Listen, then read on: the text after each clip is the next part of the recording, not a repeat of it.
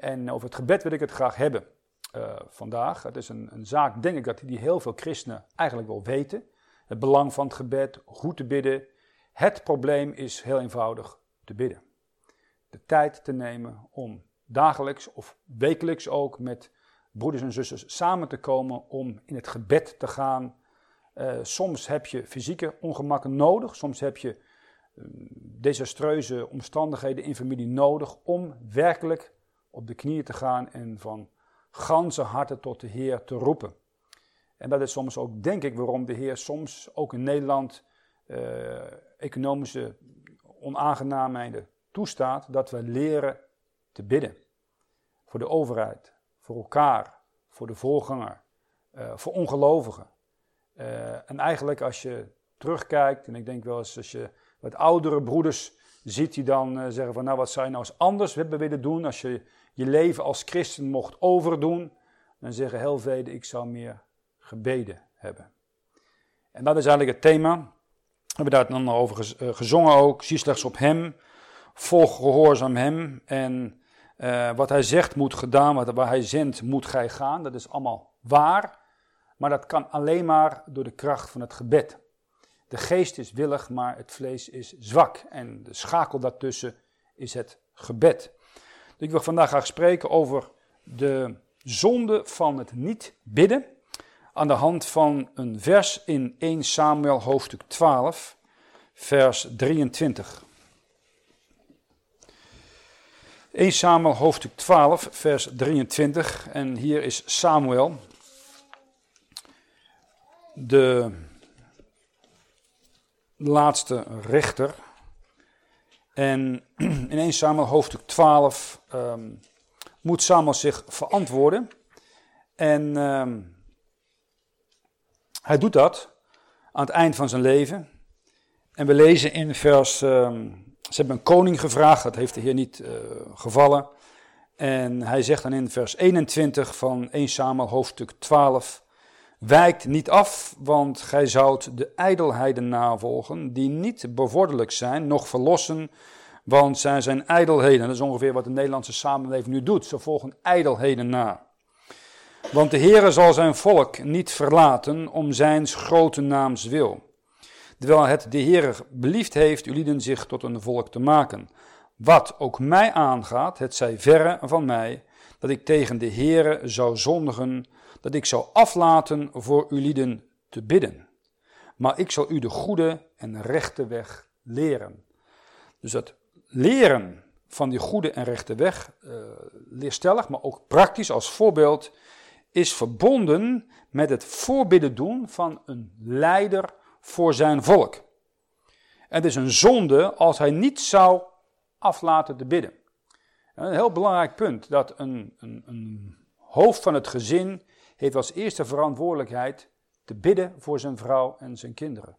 Een voorganger heeft als eerste voorwaarde te bidden voor zijn uh, gemeente, voor de schapen. Zoals de Heer zegt in Handelingen hoofdstuk 6, dat die uh, twaalf apostelen, die moeten zich houden aan het gebed en de bediening van het woord. En dan die diako, diakenen moeten de praktische dingen gaan regelen. Maar een apostelen of een voorganger nu is als eerste om het om te bidden. Dat is eigenlijk een hele treurige toestand, want de meeste bijbelscholen in Nederland, of theologische opleidingen, dan leer je allerlei mogelijke dingen, maar het belangrijkste leer je vaak niet. Dat is het gebed. Dat is net wat de Heer Jezus Christus aan zijn volgelingen leerde. We lezen ook niet dat daar gevraagd wordt door de apostelen, leer ons spreken of leer ons leren, maar ze zeggen wel leer ons bidden. En bidden, hoe leer je dat? Door het te doen. Door gewoon tijd te nemen met de Heer, gemeenschap te zoeken en zijn aangezicht te zoeken. Even de computer of de cellphone of wat je ook verder uh, als eerste vaak ochtends bekijkt, aan de kant te schuiven en tijd te nemen alleen met de Heer. En soms heel vroeg in de morgen. Ik doe het vaak als je gewoon vroeg opstaat en ergens naar buiten gaat om te lopen, dan kun je die tijd nemen met de Heer om te bidden.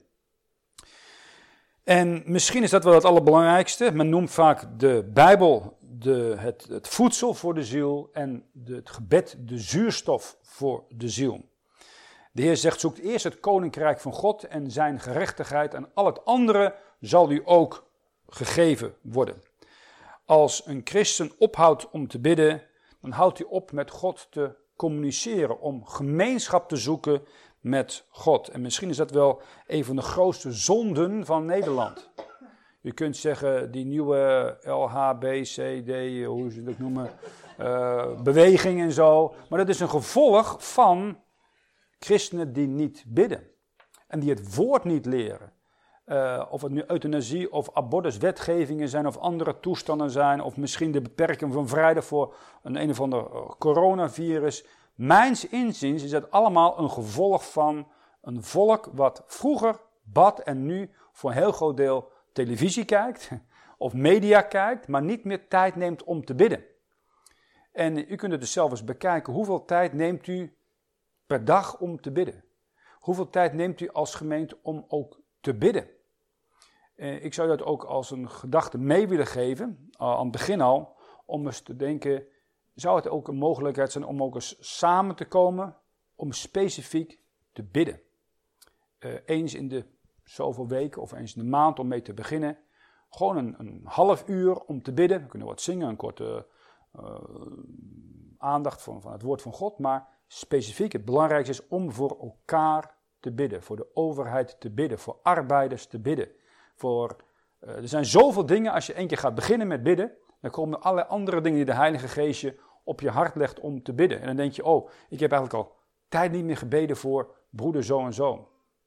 Of als je soms een probleem hebt met verbittering in je hart. En je gaat voor die persoon bidden. Weet je wat er dan gebeurt? Op een gegeven moment is die verharding van het hart weg. Omdat je geleerd hebt daardoor te bidden. Dus eigenlijk doet het gebed heel veel voor je eigen hart. Het bewaart je hart voor allerlei mogelijke zonden. En dit oude hart van ieder van ons, hoewel we allemaal opnieuw geboren zijn, vermoed ik, is nog altijd vol zonde. Heeft een neiging om zich te verzondigen. Nou, wat toont nu als je aflaat te bidden voor elkaar of het aangezicht van de Heer te zoeken? Het toont een verachting voor het woord van God. De Bijbel is een gebedsboek. De psalmen staan vol met allerlei blanco checks die eigenlijk uh, gewacht worden om ingevuld te worden en dan gecashed te worden.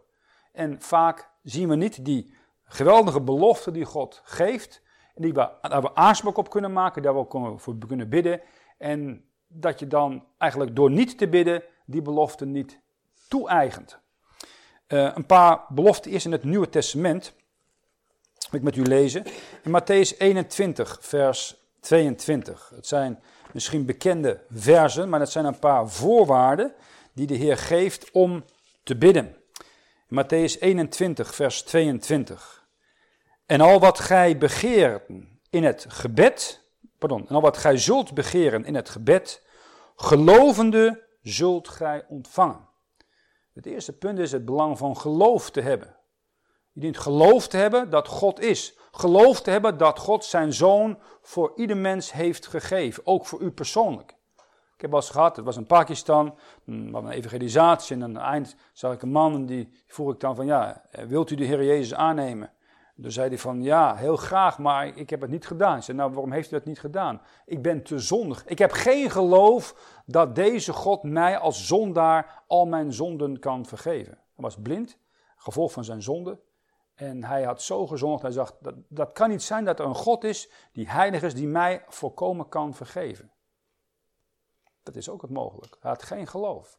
En de Heer schenkt voldoende geloof om de Heer Jezus Christus aan te nemen. Ook als u hier zit, eh, is het heel belangrijk te weten dat er een God is die zijn zoon heeft gegeven om uw zonde volkomen met zijn bloed te betalen.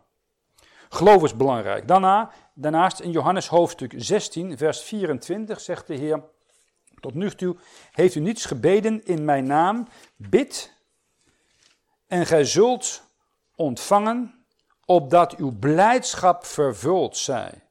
Toen de tijd hebben de Joodse discipelen nooit in de naam van Jezus Christus gebeden tot God de Vader.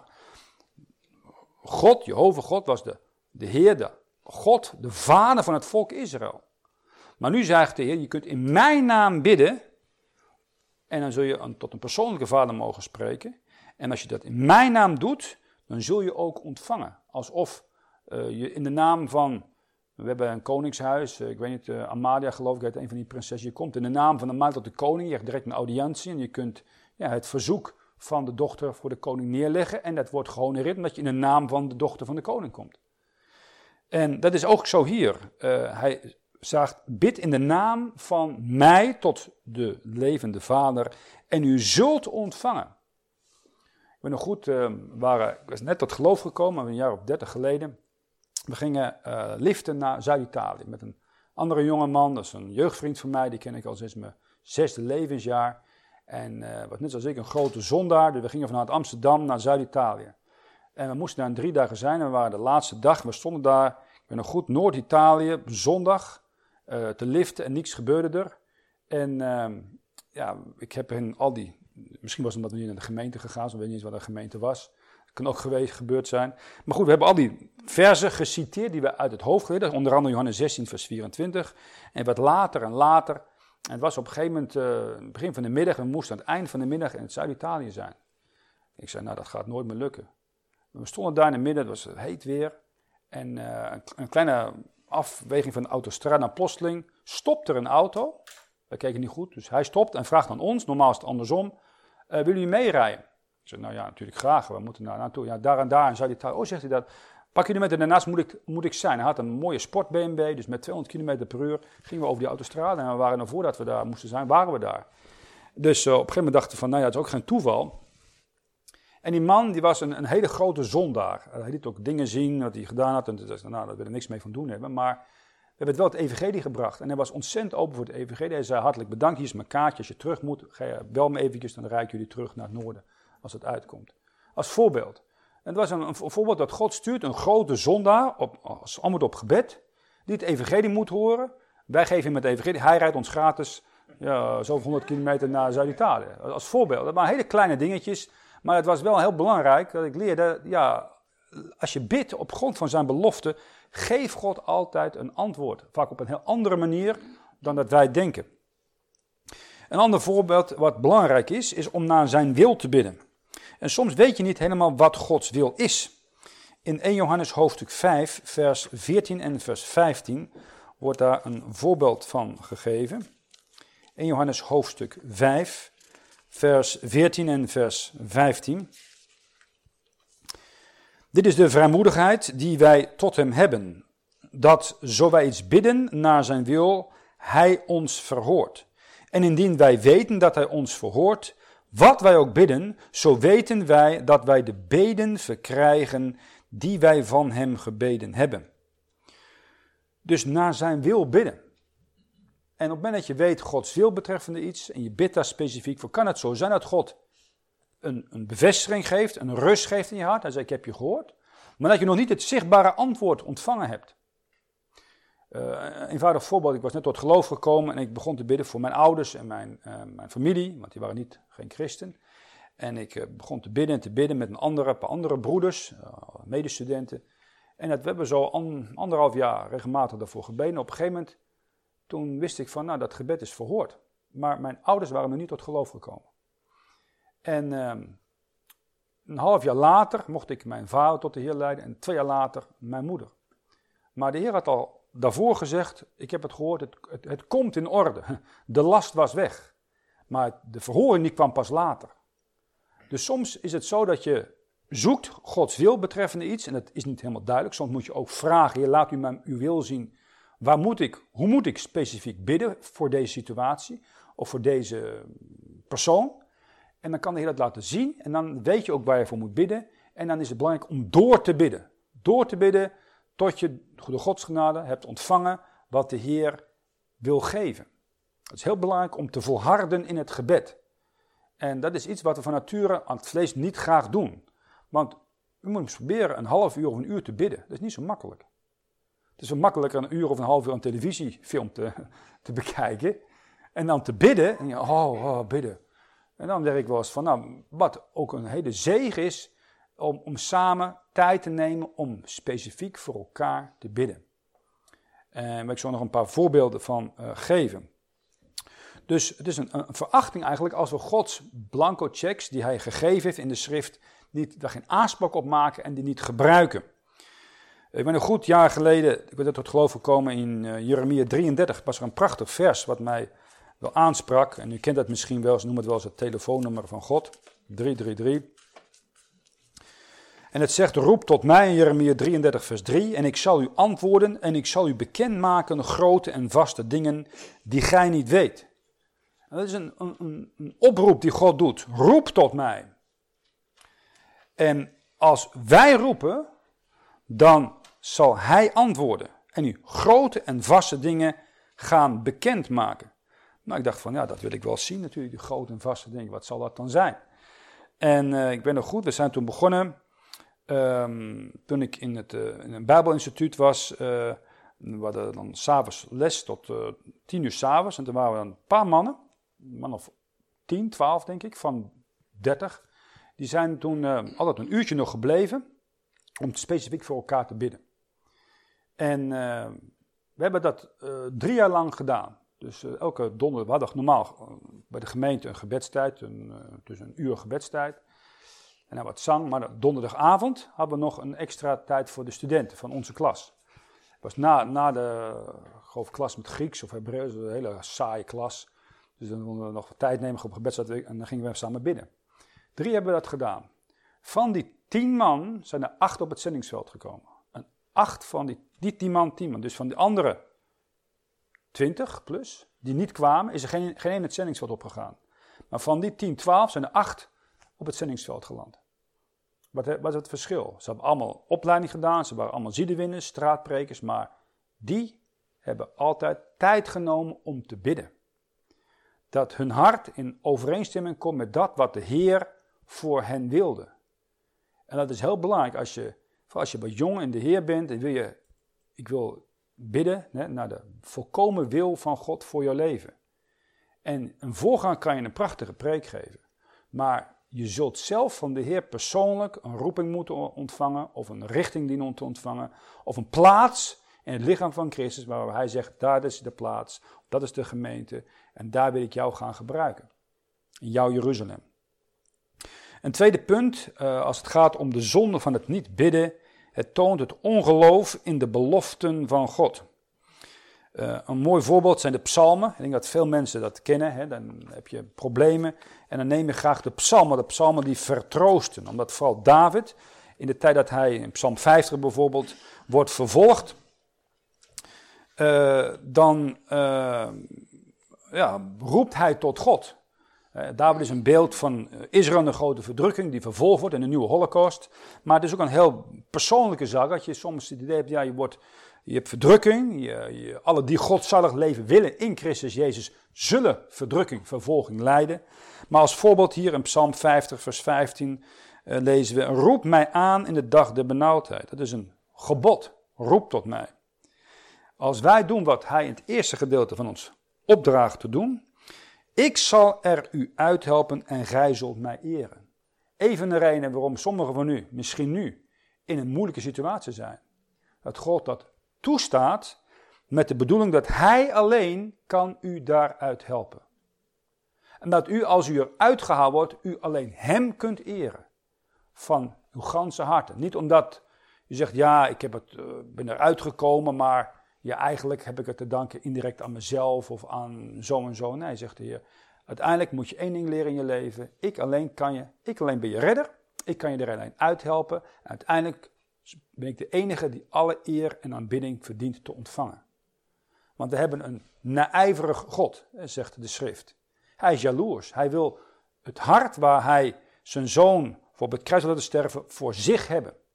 En soms hebben we daar wel eens moeilijke tijden voor nodig, dat we moeten leren alleen op hem te kijken en alles van hem te verwachten. En niet meer van onszelf, want we zijn ja, ongelooflijk zichzelf rechtvaardigend. Hè. Proberen altijd iets zelf eer te geven zonder de alle eer aan de Heer Jezus Christus te geven.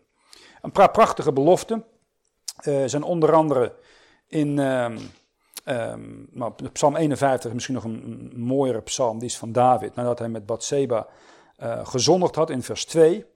En hij heeft niet alleen echtbreuk gepleegd met haar, maar hij heeft ook haar man omgebracht, vermoord. En voor die twee zonden in het Oude Testament was er geen offer mogelijk. Met uitzondering van de doodstraf. En wat doet David dan? Hij weet dat en zegt vandaar ook in vers 3, zijt mij genadig, o God, naar uw goede tierenheid. Delg mijn overtredingen uit naar de grootheid uw barmhartigheid. Vers 9, ehm, ontzondig mij met hyssop en ik zal rein zijn. Was mij en ik zal witter zijn dan sneeuw. Verberg uw aangezicht van mijn aanzonden en delg uit al mijn ongerechtigheden. Dat is een, een, een gebed van, om genade, om barmhartigheid van een zondaar. En God beantwoordt dat. En een ander voorbeeld in het Nieuwe Testament als christenen. Uh, soms is het natuurlijk goed om die, die op te schrijven, ze het hoofd te leren en ze te gebruiken, ook in het gebedsleven. Dat u leert de, de belofte van God aan te spreken. Filippenzen hoofdstuk 4, vers 13. Ik vermag alle dingen door Christus die mij kracht geeft. Als u tenminste een Statenbijbel heeft, een nieuwe Bijbels hebben het woord door Christus eruit gestreept. Ik zou, wie zou daarachter zitten, nietwaar? Vers 19. Mijn God zal naar zijn rijkdom vervullen al uw nooddruft in heerlijkheid door Christus Jezus. En wat uw nooddruft ook is, de Heer kent dat. En hij zal er op zijn tijd um, voor zorgen. En veel van die uh, prachtige beloften, die zijn eigenlijk blanco checks. En de Heer zegt, neem die beloften, schrijf ze op, gebruik ze ook in het gebedsleven. En schrijf daarnaast ook dan en dan daarvoor gebeden of deze belofte aangesproken. En vergeet niet daarna ook in het gebedsboekje te schrijven hoe de Heer dat beantwoordt. Uh, in Efeze hoofdstuk 3, vers 20 lezen we, Hem nu, die machtig is meer dan overvloediglijk te doen, boven al wat wij bidden of denken naar de kracht die in ons werkt. Machtig te doen boven al wat denken of bidden. En goed, uh, met een paar jonge mannen, zo'n 30 jaar geleden, hebben we gedacht: wauw, wat zal dat kunnen zijn? We hebben een, een kaart genomen van de wereld en zijn gaan bidden voor onze medestudenten. Toen de tijd aan de Universiteit in Groningen. Voor onze familie, onze ongelovige familie. Uh, dan, we gingen we zendelingen bezoeken, dus in de zomer, we gingen voor zendelingen bidden. We gaan bidden voor uh, landen, mensen, regeringen.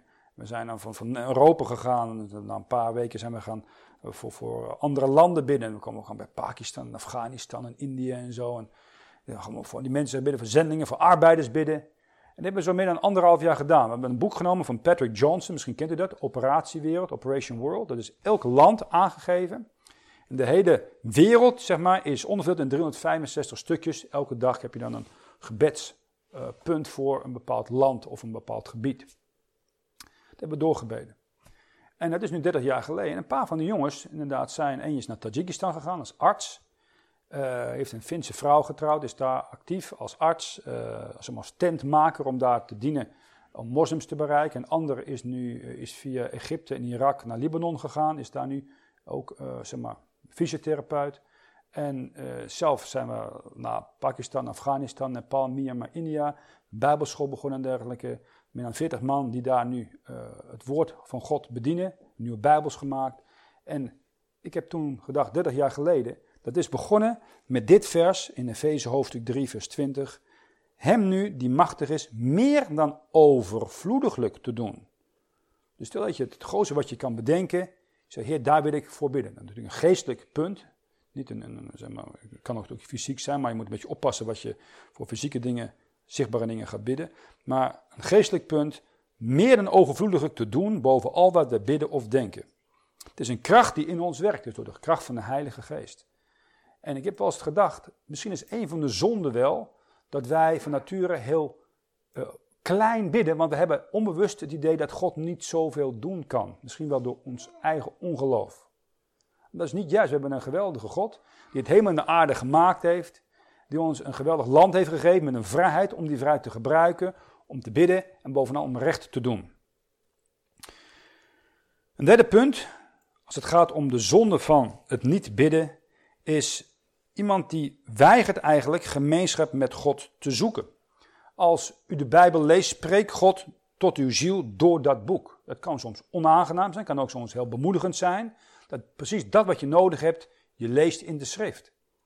Maar je kan het vergelijken als je niet bidt met een huwelijk waar uh, de vrouw tot de man spreekt en de man zegt: uh, mm -hmm, mm Denk je, nou verloopt dat is ook geen goed huwelijk. Het moet wel van beide kanten komen. Dan zegt u misschien, ja, maar u kent mijn vrouw niet. Dan zegt die vrouw, u kent mijn man niet.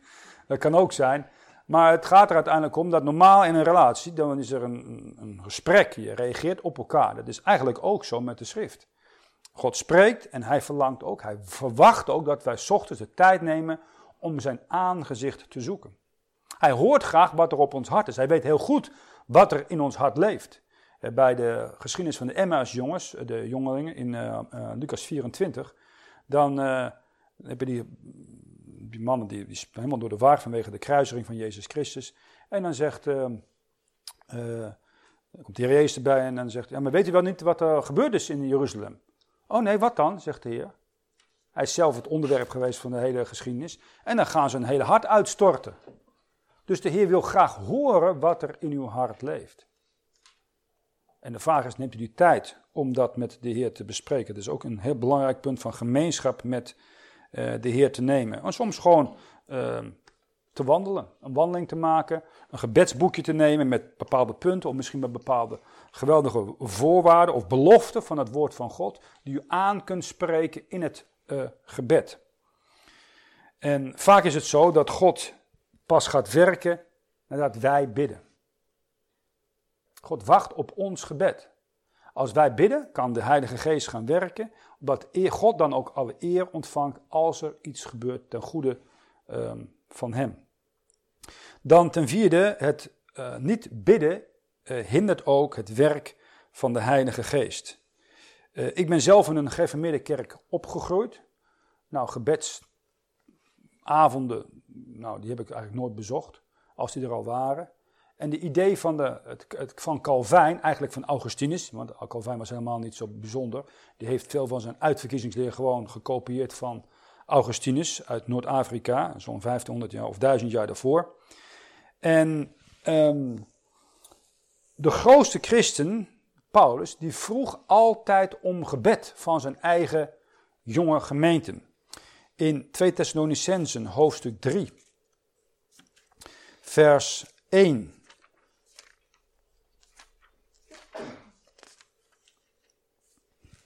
Lezen we het volgende. Voorts, broeders, bid voor ons, opdat het woord des Heeren zijn loop hebben en verheerlijkt worden gelijk ook bij u. Dus het woord des Heeren dat het verbreid kon worden, dat het ingang kon vinden in de harten van de toerders, is afhankelijk niet alleen van de prediking van Paulus, maar ook van de voorbeden van deze gemeente, gemeente in Noord-Griekenland en Thessalonica. Hij doet hetzelfde nog eens een keer, in, hij doet het trouwens een paar keer, maar als een voorbeeld, in Efeze hoofdstuk 6, vers 18, in het uh, voorbeeld van de geestelijke wapenrusting, met alle bidding en smeking, biddende te allen tijden in de geest, en tot hetzelfde wakende met alle gedurigheid en smeking voor al de heiligen, en voor mij, opdat mij het woord gegeven worden in de opening mijns monds, met vrijmoedigheid om de verborgenheid des evangelies bekend te maken. En dat is een, een, duidelijke samenwerking tussen een gemeente en de predikant. Het is ook belangrijk dat als u s ochtends hier komt om het woord te horen, dat u bidt voor de predikant. Uh, soms al bidt voor de predikant gedurende de week. En dat merkt een predikant ook als hij het woord mag bedienen. is een openheid, een vrijheid, een vrijmoedigheid. Uh, bij de mensen als ook voor hemzelf. Niet alleen zijn het menselijke woorden, het is een bepaalde zalving, een kracht die direct van God komt uh, via het hart van de predikant, daardoor de gebed is voorbereid in de harten van de toehoorders. En nogmaals, het is één grote onzin als we denken dat God al voor de grondlegging der wereld heeft bestemd wie er uiteindelijk tot een eeuwige verdoemenis en eeuwig heil zullen komen. Dus heel veel is afhankelijk van de voorbeden van Gods kinderen. De Heer Jezus Christus zelf is daarom een voorbeeld in Matthäus 26, vers 41, als hij zegt in Gethsemane, waakt en bid dat gij niet in verzoeken komt. De geest is willig, maar het vlees is zwak. Nou, nogmaals, als u bidt, kunt u moeilijk zondigen. Niet waar? Dan een reden om te bidden, niet waar? Ook niet met je tong. Je, spreekt met God. En eh, veel, veel als je um, gebedsloos leven leidt vaak tot zonde, omdat je de tijd niet neemt om te bidden en ook dan niet de kracht hebt om nee te zeggen tegen zonde als je niet bidt.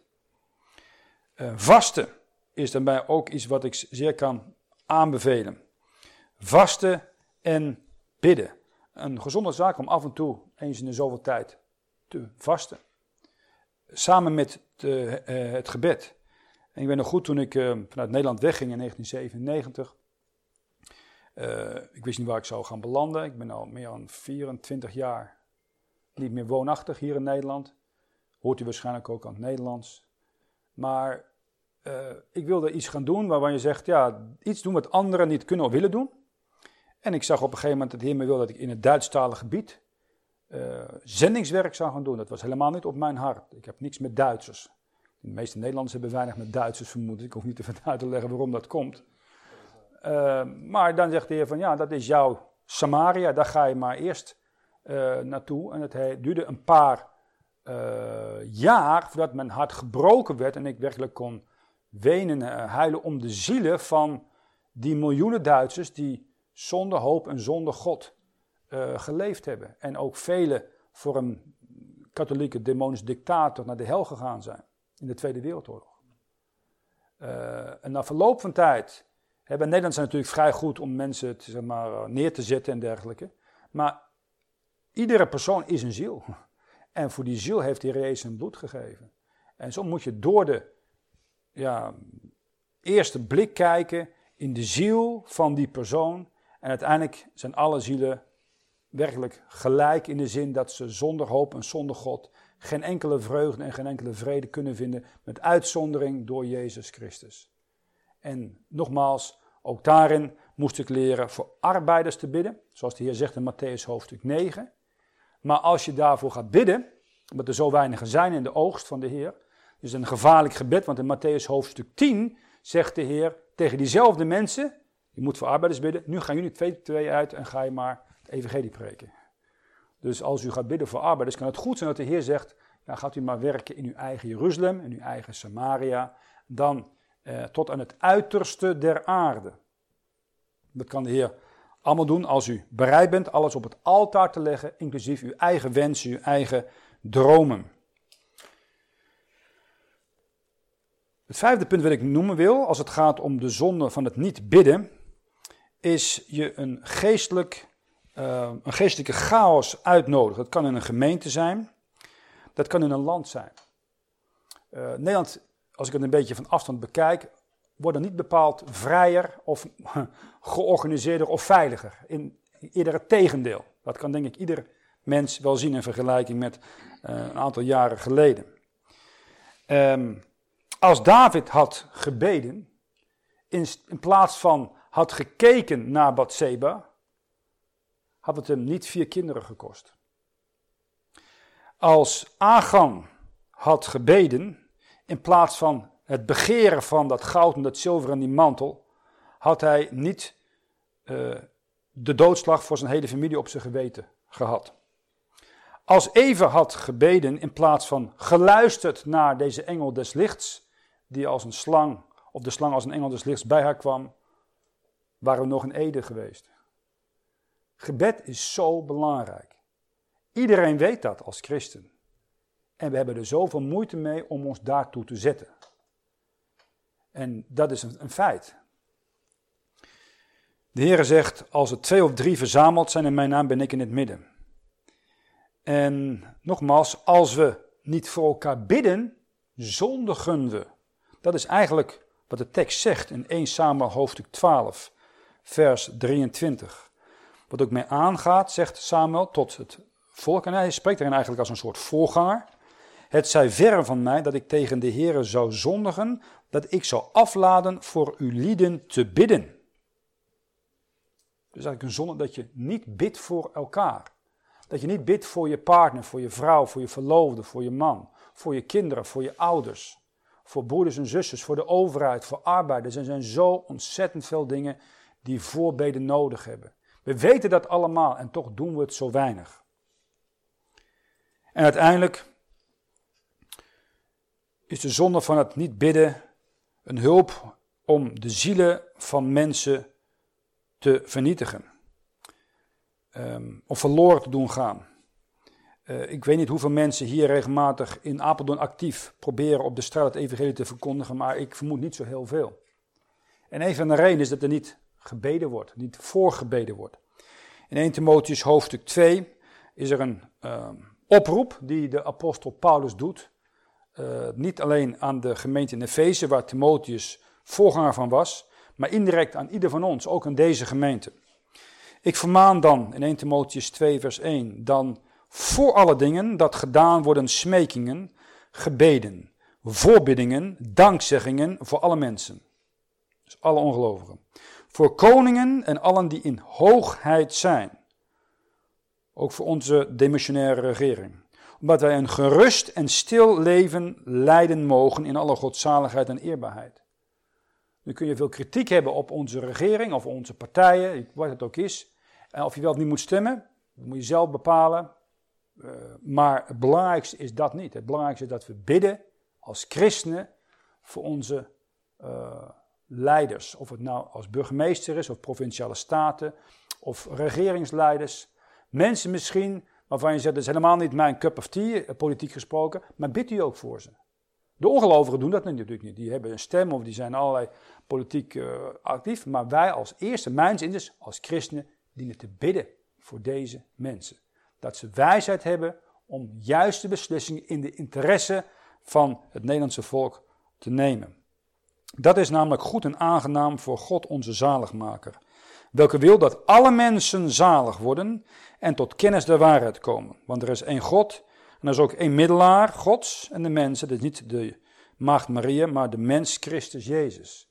Die dient gepreekt te worden, in het openbaar, van huis tot huis. En zijn wil is dat alle mensen zalig worden. Dus de idee van Calvijn, dat God maar uh, in Christus zijn bloed voor een paar uitverkorenen heeft gegeven, is een absolute ketterij. Hij wil dat alle mensen zalig worden. Vers 6. Die zichzelf gegeven heeft tot een rantsoen voor allen. Voor allen. Dat rantsoen, de prijs, is betaald voor iedere ziel. Uh, of hij nou moslim is of een massamoordenaar is. Jezus Christus heeft zijn bloed daarvoor gegeven. De enige zonde die een mens naar de hel brengt, is de zonde van ongeloof. Als een zondaar weigert het geloof wat God hem toevertrouwd heeft te gebruiken om Jezus Christus als persoonlijke verlosser aan te nemen. De heer Jezus was erin een voorbeeld. Voordat hij uh, de twaalf apostelen uitkoos van een paar honderd discipelen, Joodse discipelen, die hem gevolgd zijn, is hij een nacht in het gebed geweest. En Lucas hoofdstuk 6 lezen we in vers 12 en vers 13. Het geschiedde in die dagen dat hij uitging naar de berg om te bidden. En hij bleef de nacht over in het gebed tot God. En als het dag was geworden, riep hij zijn discipelen tot zich en verkoos er twaalf uit, die hij ook apostelen noemde. Van die twaalf, van die honderden volgelingen discipelen, werden de twaalf gezondenen apostelen genoemd met een bepaalde opdracht. Een paar van hen hebben onder andere brieven geschreven, ze hebben tekenen en wonderen gedaan, ze zijn naar het Joodse volk als eerste gegaan. Maar hij moest een nacht in het gebed gaan als zoon van God. Hij had wijsheid nodig van God. Um, we zien het ook in de persoonlijke relatie die Jezus had als mens met zijn hemelse vader. Hij heeft altijd het aangezicht van zijn Heer en Heiland gezocht, ochtends vroeg. En mijn ervaring is nog altijd, uh, beste tijd om de Heer te zoeken is ochtends vroeg. Alleen. Zonder kranten of televisie of cellphones, alleen met de Heer. Het betekent vaak dat je op tijd in bed moet gaan om die, dat half uur, uur extra s ochtends te kunnen nemen met in. Dan krijg je kracht, wijsheid en kun je veel meer dingen doen dan als je zonder tijd van gebed de dag begint. Luther zei, eh, als ik niet de eerste drie uur van de dag in gebed doorbreng, kan ik niet goed studeren. Hij had een geweldige hoeveelheid werken die elke dag diende af te werken. We zien bij de Heer Jezus Christus als voorbeeld in Marcus hoofdstuk 1, vers 35. Des morgens vroeg, als het nog diep in de nacht was, opgestaande zijn, ging hij uit en ging heen in een woeste plaats en bad aldaar. Dan heeft hij daarna ook kracht om hem laatste te genezen in het eh, de volgende verse. En daarna om te preken. Dus als, als christen heb je eigenlijk absolute kracht, power nodig van God. Die krijg je in het persoonlijk gebed. S ochtends vroeg. Ieder weet dat, denk ik. Maar het probleem is, het vlees heeft geen zin om die paar minuten, kwartier, half uur extra vroeger op te staan om Gods aangezicht te zoeken. En vaak is het dat je die strijd moet winnen s'avonds. Dat je op tijd naar bed gaat met het woord van God in het gebed. Is ook makkelijker om ochtends Gods aangezicht te zoeken. Nogmaals, de zonde van het niet bidden is de allergrootste zonde, denk ik, in Nederland. Als wij een Nederland hadden waar alle gemeenten ochtends om zondag een half uur samen zouden komen om eerst te bidden en daarna de dienst te hebben. En misschien gedurende de week een half uur te nemen om tijd te nemen te bidden.